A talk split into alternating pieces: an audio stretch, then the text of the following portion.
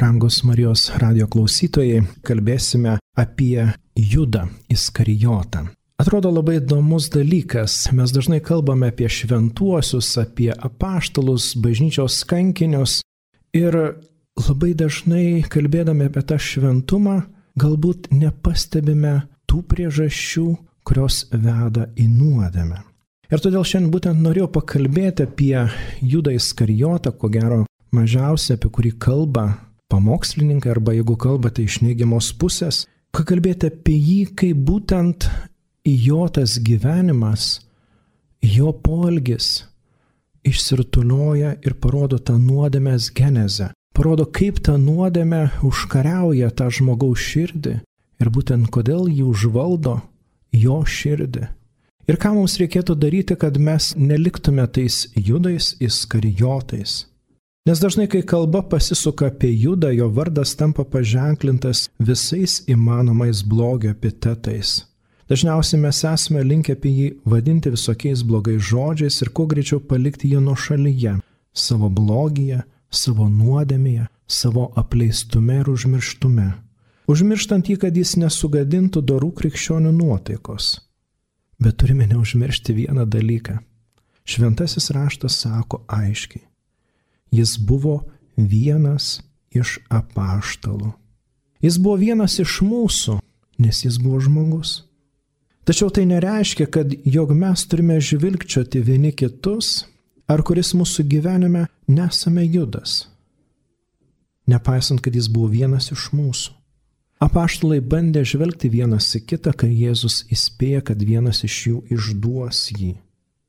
Bet tas veiksmas apaštalų buvo dar iki prisikelimo. Netobulas veiksmas.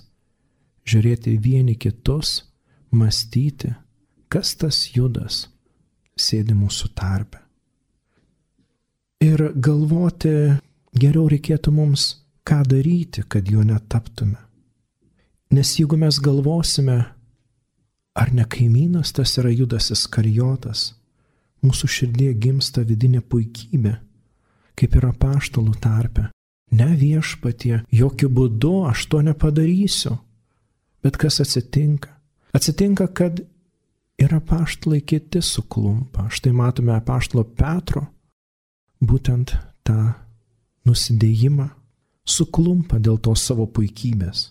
Taigi kas tas Judas Iskarijotas? Judas Iskarijotas Jehudak iš Karijot biblinis personažas, vienas iš Jėzaus mokinių. Vardas Judas kilęs iš hebrajiško žodžio reiškiančio pagarbintas, atrodytų net keista. Judas žodis pagarbintas, o Iskarijotas reikšmė nėra visai aiški. Tikėtina, kad tai nusako kilmę iš vietovės Karijot. Šis vietovardis išlikusiuose šaltiniuose miestų sąraše minimas tik kartą. Kitas galimas žodžio įskarijotas kildinimas yra iš latiniško žodžio sikarijus, tai reikštų kovotojas durklus samdomas žudikas. Sikarijai buvo kovinis zeloto judėjimo sparnas, zelotai, kurie organizavo sukilimą, kuris vėliau buvo žiauriai romėnų numalšintas. Ir štai kaip atsitinka su tuo judu įskarijotu, kad jis tai padaro tą sunkę, baisę nuodėmę. Įdomu būtų sužinoti visą tą nuopolio genezę. Tik gaila, kad mums Evangelija šykšti tų žinių nekalba apie jo pašaukimo pradžią taip su visom detalėm, nors būtų labai įdomu sužinoti. Ne todėl, kad būtume vedami to smalsumo, bet todėl bandytume atrasti tas priežastis, kas paskatina tapti tuo išdaviku. Ir atrodytų mums labai įdomu. Ir štai bando popiežius Jonas Paulius II ieškoti to atsakymo nuodėmės genezės savo dokumente Reconciliacijo et Penitencija enciklikoje.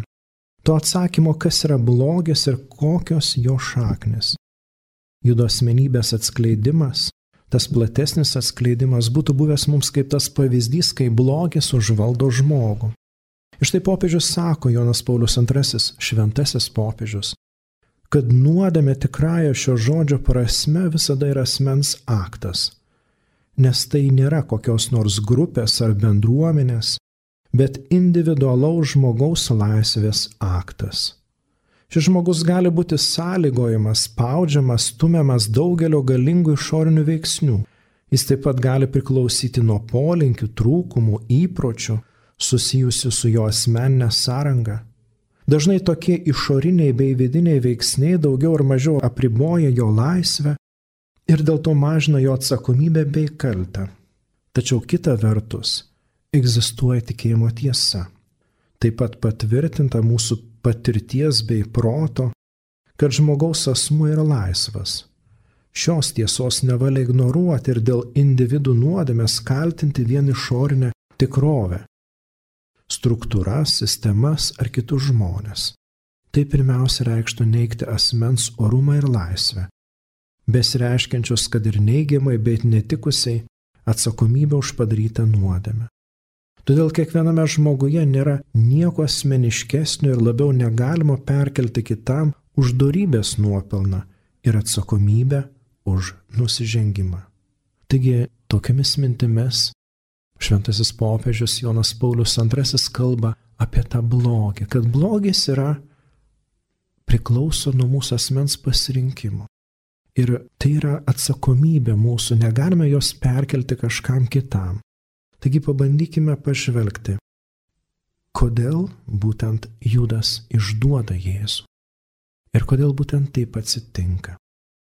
Kažkada teko lankytis šventoje žemėje ir alyvų sode gidas mums parodė įdomią olą. Jis minėjo, sako, Nors šventame rašte neparašyta, bet tokia kaip tradicija, kaip toks manimas yra, kad Jėzus keliaudavęs į Jeruzalę ir mėgdavęs apsistoti vienoje oloje, iš kurios išėjus matosi Jeruzalės sienos, tas nuostabusis miestas. Ir būtent ta ola, sako, labai yra reikšminga. Ir kodėl būtent reikšminga? Ogi todėl, kaip jis toliau tęsia, kodėl klausimas kyla, kodėl Judas turėjo parodyti, kur yra Jėzus, kodėl Judas turėjo tiems kareiviams nurodyti, kur vaikšto Jėzus, kai Jėzus vaikščiodavo viešai. Ir visi žinojo, štai Jėzus apsuptas mokinių tarpe, bet kodėl būtent Judas turėjo prieiti ir pabučiuoti. Ir štai labai įdomiai tęsia tokią mintį, kad, pavyzdžiui, tai buvo artėjo žydų Velykos ir aukštieji kunigai norėjo susidoroti su Jėzumi, kuo greičiau iki Velykų švenčių. Ir nors matė Jėzų šventykloje, bet kada įvyksta tas veiksmas? Naktį. Po paskutinės vakarienės Jėzus eina į alyvų sodą.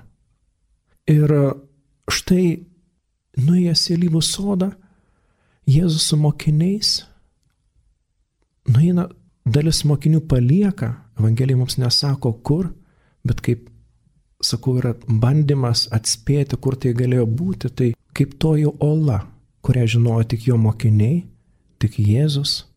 Ir būtent buvo reikalingas tas išdavėjas, kad parodytų konkrečiai, kurioje vietoje Jėzus gali slėptis, nes tuo metu buvo naktis tamsu, o reikėjo greitai veikti, suimti Jėzų. Ir atkreipkite dėmesį, kai skaitysite šventajame rašte, Jėzus su tik keliais mokiniais nueina pasimelsti su keliais apaštalais. Ir tie apaštalai užmiega. Ir kaip žiūri toje šventoje žemėje, būtent ta vieta, labai arti yra ta vieta, taip bandoma atspėti, kad maždaug toje vietoje Jėzus meldėsi. Bet kiti mokiniai liko oloje. Ir štai, kada Judas artėja prie tos olos, kaip galime įsivaizduoti, su tais savo sargybiniais, išduoti ateina. Jėzus sako tiems pasilikusiems apaštalams su juo keliems, sako, eime, mano išdavėjas jau arti. Ir tarsi grįžta vėl į tą uolą tam, kad nenukentėtų kelikusieji apaštalai. Neįsivaizduokit, jeigu ateis tas judas ir neras Jėzaus, o ras tik apaštalus, jiems grėsia suėmimas, grėsia bausmė, grėsia kančios. Jėzus parodo tarsi dar kartą tą nuostabų į Dievo gailestingumą. Jis ateina į nusidėjėlio rankas. Jis pats ateina prisijimti tą kančią. norėdamas apsaugoti mus tą paprastą žmogų, kuriam reikia Dievo pagalbos, supratimo ir paguodos. Ir Jėzus ateina į tą olą, galime tai bandyti įsivaizduoti, tam, kad sulaikyti juda nuo tolesnės, galime sakyti, tos pasiekmės, kad nebūtų išduoti kiti apaštalai, kad nebūtų suimti ir klausinėjami, kur yra jų mokytojas, jis pats grįžta. Ir kai grįžta, kas atsitinka? Jėzus yra pabučiuojamas. Pabučiuojamas ir prieš pabučiavimą jis dar klausė judo, bičiuli, ko atėjai? Ir nepaisant tokio nuostabaus gesto, Dievo gailestingumo gesto, bičiuli, pavadinimas bičiulis reiškia draugas. Judas visien jį pabučiuoja. Taigi, kodėl Judas taip pasielgia? Labai įdomiai pastebėta, kad štai Jėzus, jeigu skaitysite Evangeliją, judo atžvilgių niekada nenaudoja griežtų tonų, griežtų žodžių. Taigi neturi iššaukti priešiškos reakcijos iš judo pusės. Tuo tarpu Petras tai pavadina šetonu, kad jisai sako, nieko šiukštų tau neturi taip atsitikti, kada Jėzus sako, turiu keliauti į Jeruzalę, kentėti. Bet kas įdomiausia, Jėzus Petrą pavadino šetonu, bet jį išgelbėja. Judą pavadino bičiuliu, bet vėliau pasako, jo geriau tokiam žmogui būtų buvę negimti. Taigi, kodėl Judas pasielgia taip? Turbūt atsakymo iki galo ir nesurasime, belieka tik spėlioti. Kai kas sako, kad tai jis tikėjosi politinio mesijo Jėzaus asmenyje, kuris išgelbė žydų tautą nuo romėnų. Ir jeigu tikėti tą mintimi, kad jis buvo vienas iš zelotų, iš tų sikarijų, kurie būtent kovojo už Izraelio nepriklausomybę iš romėnų, tas atsakymas būtų labai toks tikėtinas. Tikėjusi politinio mesijo, bet Jėzus to netapo, pasirodė labai silpnas ir savotiškai kerštas už tai, kad jis nepateisino tų lūkesčių, išduoda. Kita mintis, jog tai galėjo būti judo kerštas už tuos prarastus tušiai tris metus kartu su Jėzumi.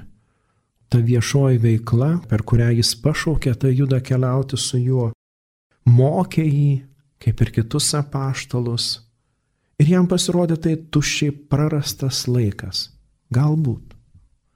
Dar kita mintis Judo širdyje buvo įsišaknyjas godumas, nes jis klausė aukštųjų kunigų, kiek man duosite už tai.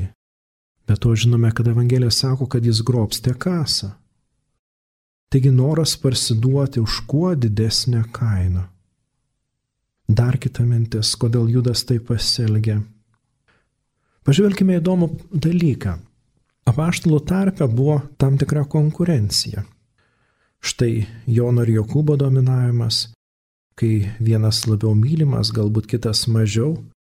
Prisiminame Evangelijoje tą epizodą, kada Zebedėjaus sūnų motina sako Jėzui, sakyk, kad šitie abu du mano sūnus tavo karalystėje sėdėtų vienas tavo dešinėje, o kitas kairėje. Argi tai nėra sėkimas lyderiauti? Neveltui Jėzus ragina gyventi tarnystės dvasia, nes jos tikrai labai matyt reikėjo paštalų bendruomeniai. Trūko turbūt to broliškumo. Ir kada jautiesi, kad esi vienas tarp tų, kurie galbūt tavęs nesupranta, nemyli, kartais galbūt kyla pagunda atkeršyti jiems. Bet ar tai teisingas sprendimas? Taigi viena iš tokių minčių, kad galbūt tai buvo kerštas nepasitenkinimas tuo, ką mato. Dar kita mintis, kad Judas išduoda norėdamas išspręsti savo protu viską, nepaisant, jog jis yra užtemdytas blogio. Aš padarau sprendimą, kiti netaip elgesi, kvailai elgesi. Teisingiausias sprendimas būtų užbaigti tą komediją, galime sakyti, kabutėse.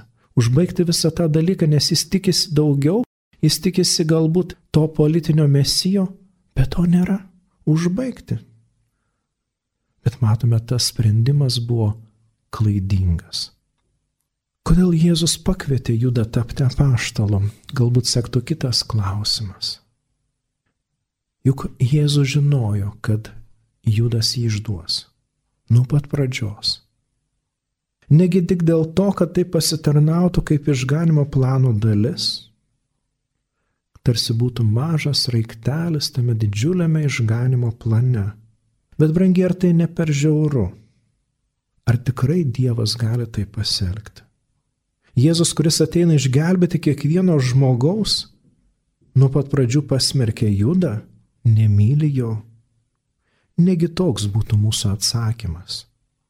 Kur tada yra tas Dievo gailestingumas, nors ir vieninteliam žmogui, Prisimenate tas iki ašą, kurios sugraudina tos istorijos, kada Jėzus pasako apie tą paklydalę avį, kada šeimininkas palieka tas 99 ir eina ieškoti tos vienintelės paklydusios. Arba tėvas, kuris laukia ir žiūri, kada sugrįš jo paklydėlis sunus, jis gyvena tuo laukimu Negi Jėzus, žinodamas, kad išduos Judas jį, pakviečia tuo apaštalu, tam, kad pasitarnautų kaip tas mažas raiktelis tam išganimo plane. Lieka atviras klausimas. Dar kitas toks atsakymas, bandymas atsakyti, tiksliau sakant, kodėl Jėzus Judą pakvietė tapti apaštalu, Jėzus gal kaip tik nori, kad tas buvimas kartu su Jėzumi, su apaštalais, toje bendruomenėje, matant tuos stebuklus, tuos darbus nuostabius, pasitarnautų jam kaip paskutinė galimybė atsivertimui, kad galėtų jį pakeisti. Dėl to aš taip ir galvoju, sakau, būtų labai įdomu išgirsti, kaip ta judo pašaukimo istorija pačioje pradžioje Gal iš tikrųjų jis jau buvo nuo pat pradžios toks blogas, bet Jėzus jį tarsi kviečia į tą būrį, suteikdamas jam galimybę matyti tuos stebuklus, kurių nemato ne kiekvienas žmogus, pamatyti tą Jėzaus gailestingumo žinę. Ir ta žinia iki pat išdavystės momentogi buvo tokia, bičiuli, ko atėjai? Negi Jėzus veidmainiškai galėtų sakyti tokius žodžius, jeigu nenorėtų jo pakeisti? Negi brangieji.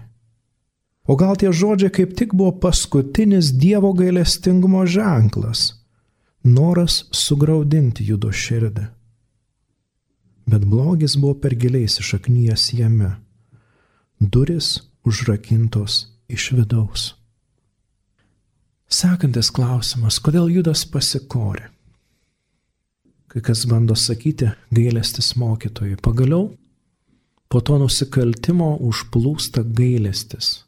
Kai kas bando sakyti, tai kalties jausmas, psichologinis dalykas. Nenumaldomas kalties jausmas, kuris užplūsta žmogų padarius nuodėmę nusikaltimą. Ir kada žmogus nemato išeities, jis eina ir pasikaria bet negi. Taigi dar kitas atsakymas. Buvimas su Jėzumi paliko jame žmogiškumo grūdelį. Suprato, kad jis padarė didelę klaidą, bet nenoras ieškoti tos pagalbos iš šalies, o noras spręsti viską savo jėgomis, priveda prie tos savižudybės. Dar kitas atsakymas Judas pasikrė, kadangi tai yra velnio susidorojimas su juo. Štai atlieka jis niekšybės darbą ir esi nebereikalingas panašiai kaip kriminalime pasaulyje. Kai užsakoma žmogžudystė, po nusikaltimo žmogžudys yra pašalinimas kaip nereikalingas liudininkas, sunaikinamas. Ir velnas susidoroja su juo. Dar kitas atsakymas Judas pasikarė, kadangi viduje jaučia pyktį, kad toje situacijoje, kurioje pasielgė savo protu, Jis liko pralaimėtojas, jis pamato, kad padarė klaidą. Tačiau jis yra tas žmogus, kuris nemoka priimti pralaimėjimo ir nesėkmės. Jis nori viską spręsti savo protu, savo būdu, kaip jis nori. Ir kada situacija yra tokia, be kurios neįmanoma išeiti be Dievo malonės, jis pasirenka nebūti. Išeina į mirtį. Ir iš tikrųjų kitas dalykas, dar toks atsakymas būtų, Judas pasikarė, nes jis jaučiasi vienišas po nusikaltimo, žino, kad grįžti bendruomenę jis nebegali, bus niekam nereikalingas, visų atstumtas, nors Evangelija vadina vienu iš dvylikos, Bet su to nusikaltimu kelias jau yra užkirstas. Ir jis negali patikėti, kad tie paštlai gali būti gailestingi jam. Taigi neišmokta ta pamoka, iki galo neišmokta. Dievo gailestingumas gali padaryti stebuklą. Yra paštalų tarp. Kokios būtų išvados? Padarius nusikaltimą, Svarbu neužsidaryti savyje, bet gailėtis. Artintis prie Dievo ir atiduoti nuodėmių naštą, nepaisant, kad ir kokios nuodėmės būtų. Dievas mus myli labiau negu mes patys, nes Jis ir mus pažįsta geriau negu mes patys save. Sekantis dalykas - išpirkti savo kaltę gerais darbais, būti teisingų liudytojų. Kas trukdė judui atsistoti liudytojų ir piloto akivaizdo ir pasakyti, šitas žmogus nenorėjo sugriauti šventyklos. Jis norėjo padaryti gerą žmonėms. Jis darė daug gero ir aš jį išdaviau, padar, išdaviau tą nekaltą kraują. Bet Judas to nepadarė. Ir štai įdomus dalykas, kodėl apaštlai išsibėgiojo, nors prieš tai žadėjo ir galvas guldytų už Jėzų. Todėl, kad vienas mens, kuris priklauso bendruomeniai, nuodėmė susilpnina visą bendruomenę. Apie tai labai vaizdžiai aiškina šventasis popiežius Jonas Paulius II savo enciklikoje Reconciliacijo penitencija. Jis sako, pirmiausia, reiškia pripažinti, kad dėl slepiningo ir neapčiuopiamo, bet sikiu realaus ir konkretaus žmogiško solidarumo Kiekvieno žmogaus nuodėmė kažkaip atsiliepia kitiems. Tai yra tai kita pusė solidarumo, kuris religiniu lygmeniu plėtojamas giliame ir nuostabiame šventųjų bendrystės lepinėje ir leidžia sakyti, kad siela, kuri kyla, kelia pasaulį. Šį kilimo dėsnį dėja atitinka ir kritimo dėsnis. Tiek, kad galime kalbėti apie nuodėmės bendrystę, kai siela pažemindama save nuodėmę, sėkiu pažemina bažnyčią ir tam tikrų būdų visą pasaulį. Kitaip sakant, nėra ne vienos nuodėmės, ne pačios viduiškiausios ar slapčiausios, griežtai asmeniškos, kuri nebūtų susijusi tik su tuo, kuris ją daro. Kiekviena nuodėmė stipriau ar silpniau, žalingiau ar ne, taip žalingai veikia visą bažnytinę bendruomenę ir visą žmonių giminę. Iš tikrųjų, nuostabų žodžiai popiežiaus Jono Pauliaus antrojo, kurie, kurie padeda suvokti mums tą nuodėmės genezę, blogio genezę. Nuodėmės daugėja todėl, kadangi su kiekviena nuodėme esame pažeidžiami kaip bendruomenė, kaip tikinčiųjų bendruomenė, kaip pasaulio bendruomenė. Ir matydamas tą blogį pasaulyje žmogus dar labiau darosi blogesnis. Taigi po to labai tampa aišku, kodėl apaštalai po Jėzaus suėmimo tampa tokie pažeidžiami. Juos kaip bendruomenė sužeidžia jau vienos mens nuodėmė. Vėliau sekantis sužeidimas Petras jį išduoda Jėzų. Ir, kuri, ir tos nuodėmės dar labiau pasėja jų širdise baimę, netikrumą, abejonės. Taigi dar kartą brangiai įrodymas, kaip yra svarbu mums visiems vengti nuodėmių, nes jomis lengvai galime sužeisti ne tik save, bet ir visą tikinčiųjų bendruomenę, papiktindami juos, susilpnindami jų valią, neduodami teigiamo pavyzdžio. Ir neveltui Jėzus prieš kančią sako, Simonai, Simonai, Štai šetonas pareikalavo persijoti jūs tarsi kviečius. Bet aš melžiausi už tave, kad tavasis tikėjimas nesusviruotų, o tu savo ruoštų stiprink brolius. Taigi, brangiai, ypatingai didžiąją savaitę, penktadienį, apmastykime tas išdavystės, kurias padarome ir mes, ir galbūt tas, kurios yra padaromos mūsų atžvilgiu, ir atleiskime jas visas, atiduokime tos nuodėmių akmenis, prašykime, kad viešpats juos pakeistų malonę, atsivertimo malonę. Melskime atleidimo ir savo, ir tiems, kurie mus išdavė, įskaudino, pajuskime palengvėjimą, nuriskime nuo širdies tą sunkų akmenį, tą nevilties ir pykčio tamsą, tą gniužulą, kuris mus slegia. Ir ypatingai melskime, kad mūsų tarpe neatsirastų tų judų, įskarijotų. Ir vis dėlto lieka pabaigoje tas klausimas, į kurį labai yra sunku atsakyti, į kurį atsakys tik vienas viešpats. Ar Judas liko išgelbėtas ar ne? Ir į tą klausimą bandė atsakyti taip pat šventieji. Šventasis Augustinas ir, nors, ir kitas, nors ne šventasis, tačiau bažnyčios toks kaip ir labai žymus žmogus Origenas. Ir jie abu skirtingai kalbėjo. Pavyzdžiui, Origenas kalba apie tai, kad vis dėlto Judas liko išteisintas. Originas interpretuoja kojų plovimą įdomiai. Jis sako, kad tas kojų plovimas tarsi parodo, kad su Jėzaus paskutinė vakarienė prasideda žmonijos išganimas ir prasideda būtent tas visuotinis išganimas.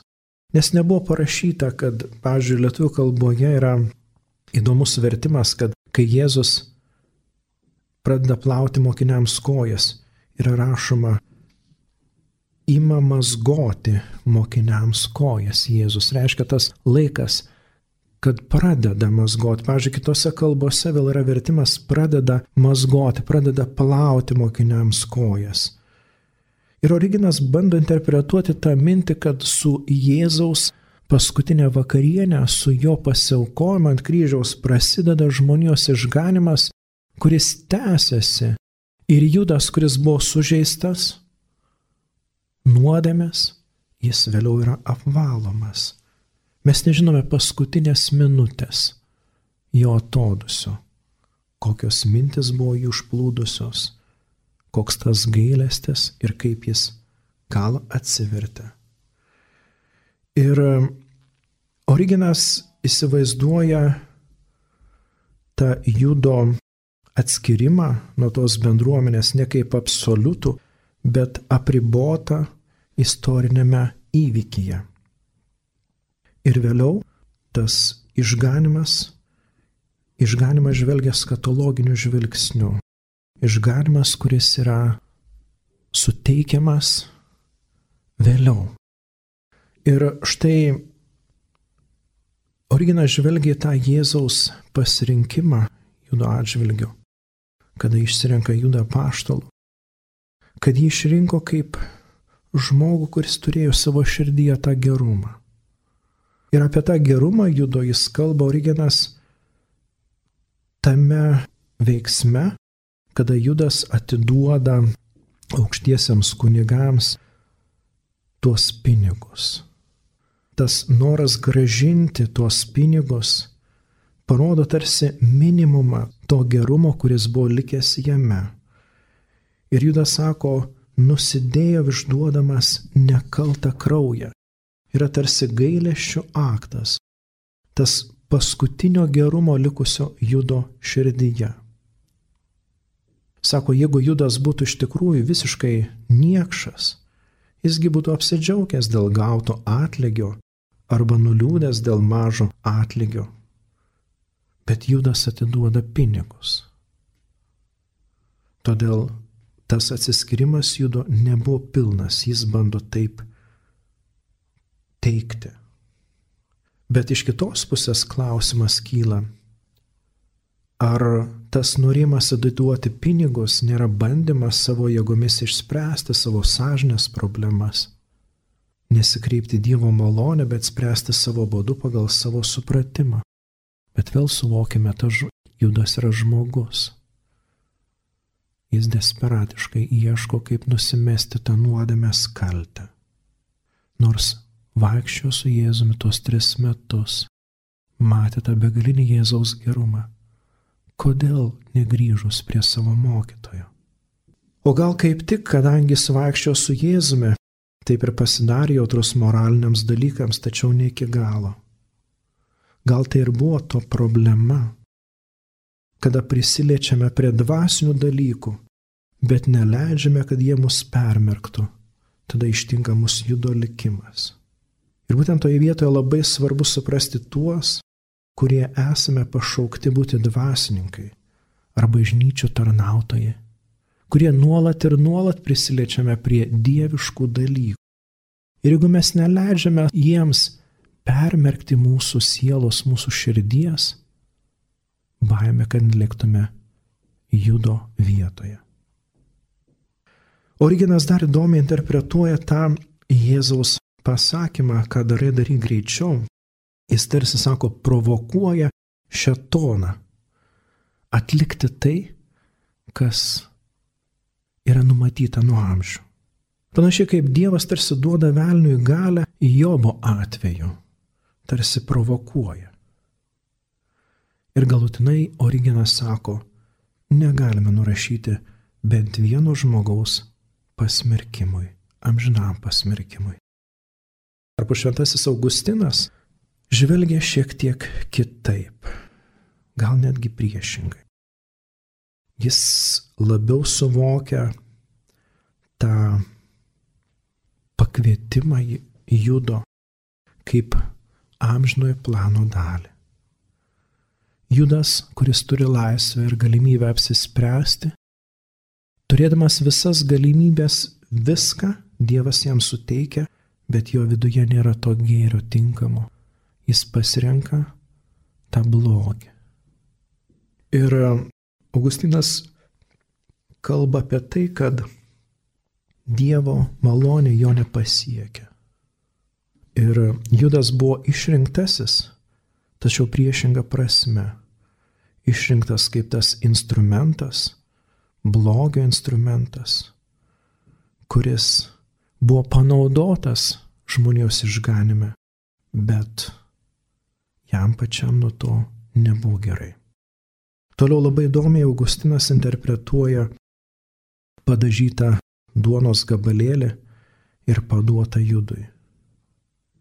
Tarsi Jėzus parodo dar savo gerumą, parodo, duodamas duonos tą gabalėlį, parodamas, kad jis suteikia tą duonos gabalėlį, bet kadangi vidus yra sutarštas to žmogaus, tas duonos gabalėlis jam tampa nuodu.